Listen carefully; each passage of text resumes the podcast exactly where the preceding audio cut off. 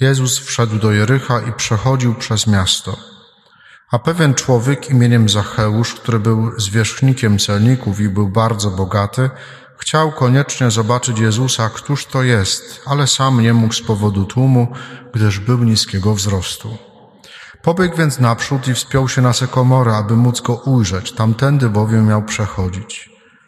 Gdy Jezus przyszedł na to miejsce, spojrzał w górę i rzekł do niego, Zacheuszu, zejdź prędko, albowiem dziś muszę się zatrzymać w Twoim domu. Zszedł więc z pośpiechem i przyjął go rozradowany. A wszyscy widząc to szemrali, do grzesznika poszedł w gościnę. Lecz Zacheusz stanął i rzekł do Pana, Panie, oto połowę mego majątku daję ubogim, a jeśli kogoś w czym skrzywdziłem, zwracam poczwórnie.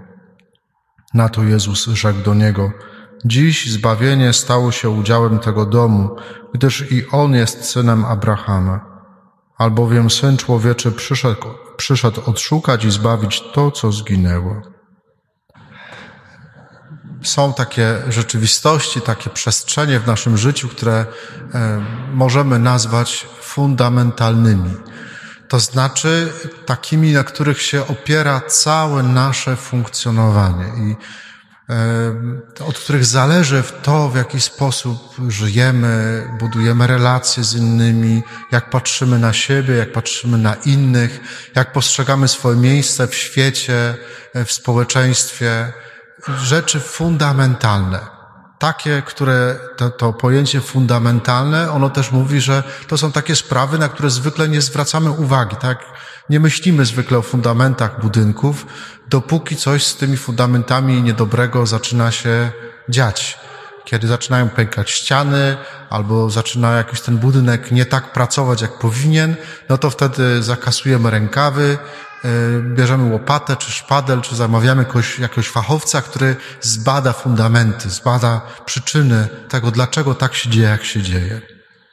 Jedną z takich rzeczywistości bez wątpienia w naszym życiu fundamentalnych, na które też nam bardzo często umykają, na które nie zwracamy zwykle uwagi, jest to, jaki obraz Boga nosimy w swoim sercu.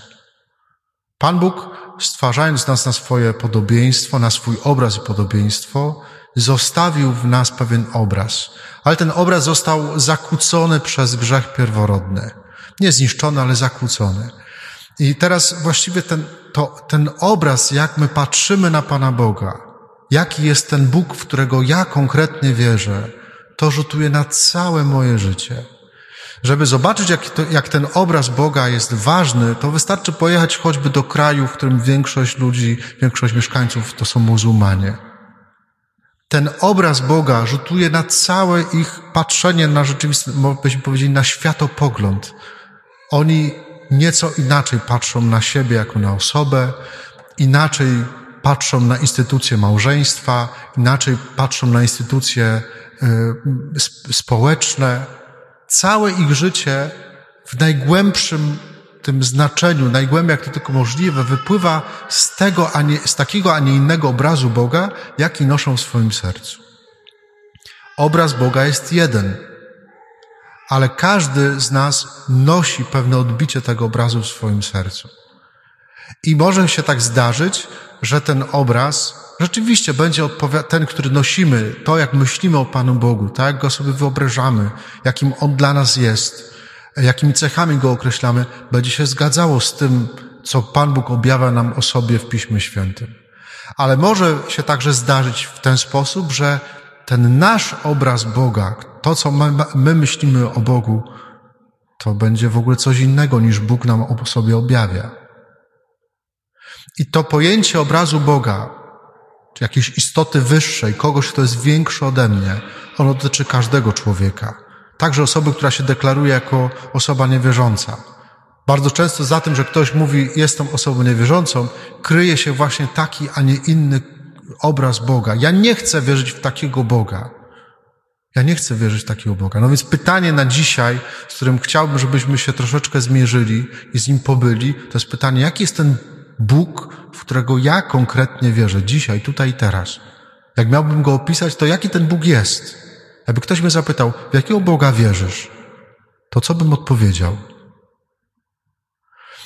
Warto przyłożyć ten nasz obraz Pana Boga, który nosimy w naszych sercach, do tego, co Bóg mówi o sobie.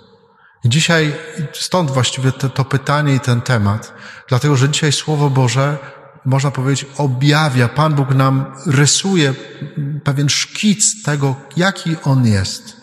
Szczególnie dzisiejsze pierwsze czytanie, dzisiejsza Ewangelia e, jakoś szczególnie dla mnie osobiście bardzo mocno te, te sprawy pokazuje. Co Pan Bóg mówi o sobie dzisiaj w Słowie Bożym? Czytamy fragment z Księgi Mądrości. Według tradycji tą, tę księgę napisał e, mm, Salomon, król Salomon, mędrzec. E, natomiast badania biblijne podpowiadają, że ona jest zdecydowanie późniejsza, gdzieś tam z pierwszego wieku przed Chrystusem. Ale to nie jest ważne. Ważne, że to jest tekst natchniony, przez który Bóg też do nas mówi. I autor biblijny, autor Księgi Mądrości, e, modli się, wychwala Pana Boga, opowiadając, jaki ten Bóg jest. Pierwsze, y, co mówi o Panu Bogu, to mówi, że Bóg jest wszechmogący, że Bóg jest wszechpotężny. Y, Panie, cały świat przy Tobie jak ziarnko na szali, kropla rosy porannej, co opadła na ziemię. Możemy poznać wszechmoc Boga, uznając to, że my jesteśmy też przemijający. I te dwa obrazy, ziarnko na szali, ziarnko piasku rzucone na szale, które właściwie jej nie porusza, a na, drugim, na, drugim, na drugiej szali w tej wadze jest właśnie wszechmoc Pana Boga.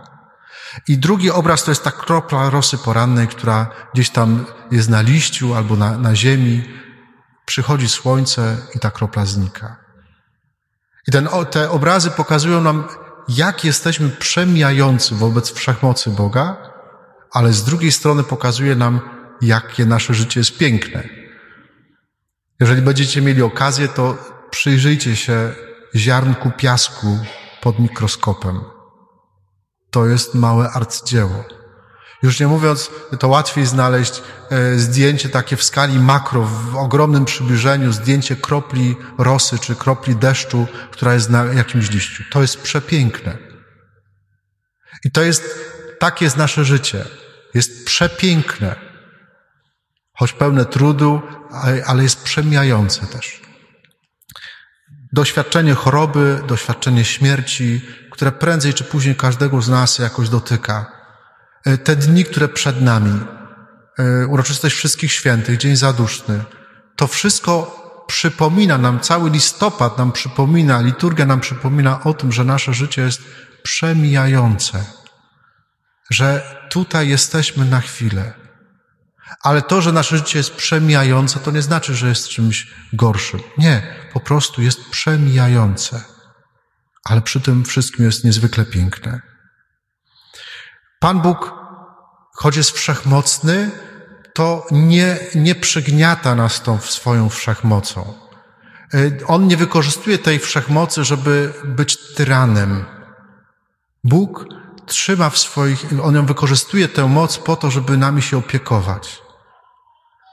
Gdybyś był dzieckiem, to y, czułbyś się bezpieczniej w rękach kogoś słabego, czy w rękach kogoś silnego.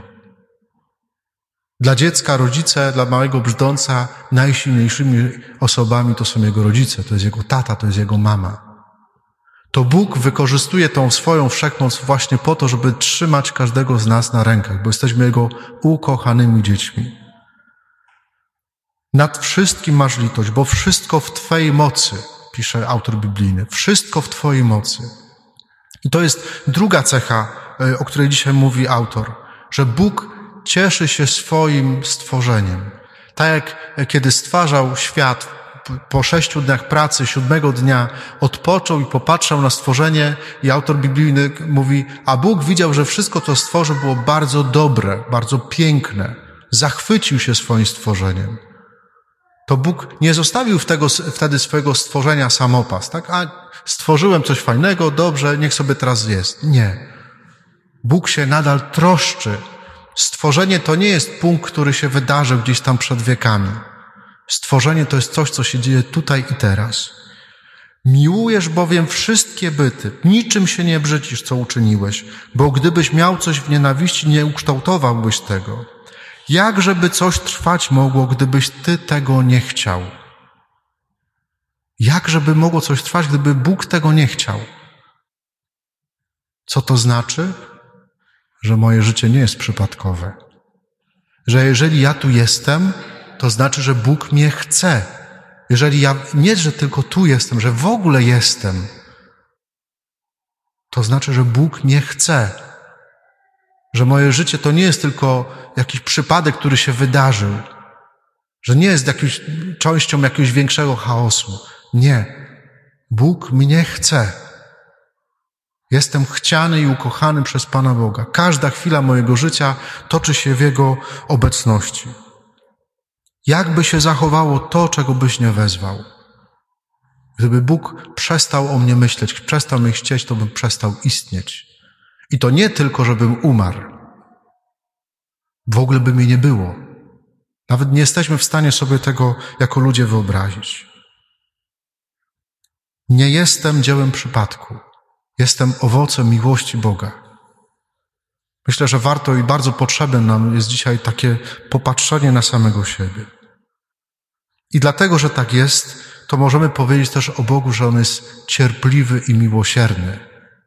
I to też piękny obraz tutaj używa autor biblijny. Oczy zamykasz na grzechy ludzi. Oczy zamykasz na grzechy ludzi. Ale to zamykanie oczu to nie jest po to, że, że a nic się nie wydarzyło. Nie, Bóg doskonale zna naszą kondycję i wie, że jesteśmy grzesznikami. Ale oczy zamyka na grzechy ludzi i dodaje autor biblijny od razu, żeby się nawrócili. Bóg nie każe nas na nasze grzechy, tylko pozwala nam czasami doświadczyć zła, które wypływa z tego naszego grzechu.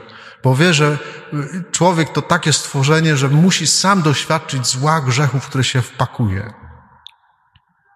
I dopiero wtedy sam Bóg chce, żeby człowiek sam się nawrócił. Zamykasz oczy na nasze grzechy, byśmy się nawrócili bo we wszystkim jest Twoje nieśmiertelne tchnienie. Dlatego nieznacznie karzesz upadających i strofujesz, przypominając, w czym grzeszą, grzeszą by wyzbywszy się złości w Ciebie, Panie, uwierzyli. Nieznacznie karzesz i strofujesz. Daj spokój. Nie, nie właś to. Jak mama, która cierpliwie napomina dziecka, dziecko po prostu, żeby nie robiło czegoś, co jest złe dla tego dziecka. Zachęcam Was do tego, żeby dzisiaj zajrzeć do tego tekstu. Księga Mądrości to jest końcówka 11 rozdziału. To jest coś niesamowitego. Pomyśleć o tym, jaki Pan Bóg jest dla mnie, dla, konkretnie dla mnie, z całą historią mojego życia, z wszystkimi jego blaskami i cieniami. To, tak się Pan Bóg dzisiaj nam rysuje. I ostatnie pociągnięcie pędzlem w tym e, obrazie Boga, który dzisiaj dostajemy, to jest ta dzisiejsza Ewangelia o, o Zacheusz, doskonale ją znamy.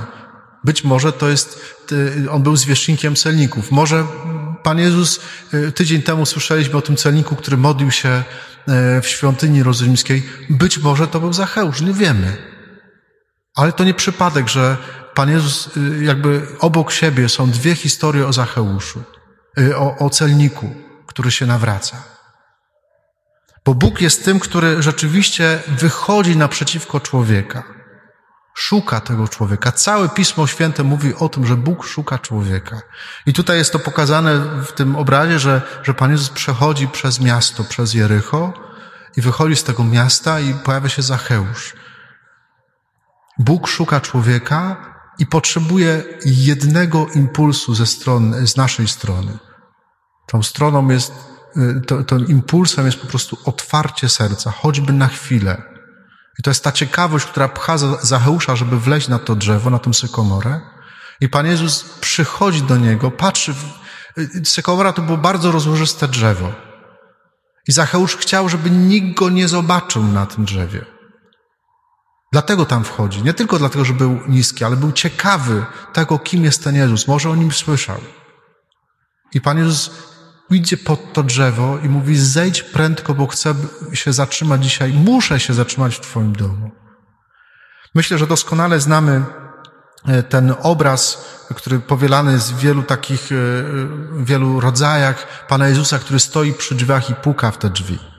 A te drzwi w takich wersjach niektórych nie mają klamki, tak, że tylko od środka je można otworzyć. Bóg czeka, aż otworzysz drzwi swojego serca i go wpuścisz. Nie będzie się wpychał na siłę. Nikomu Bóg na siłę nie będzie się wpychał. Ale jeżeli uchylisz te drzwi i pozwolisz Bogu wejść, Bóg mówi: Słuchaj, chcę się zatrzymać w Twoim domu dzisiaj. Nie jutro, nie pojutrze, dzisiaj. Chcę się zatrzymać w Twoim domu, w Twoim życiu. To naprawdę zaczynają się dziać rzeczy niezwykłe. Jaki jest ten Bóg, w którego wierzę? Czy to jest Bóg wszechmocny, który się o mnie troszczy, który każdą chwilę mojego życia ma w swojej opiece, otacza swoją miłością? Czy to jest Bóg, e, który jest miłosierny, który widzi moje grzechy, ale cierpliwie czeka, aż się nawrócę? Czy to jest Bóg, który e, chce wejść w moje życie? Czy ja go wpuszczę? Jaki jest Bóg, którego obraz noszę w swoim sercu? Warto y, naprawdę dobrze sobie odpowiedzieć na to pytanie, bo to pytanie potrafi, ta odpowiedź potrafi zmienić całe moje życie, jeśli na to pozwolę.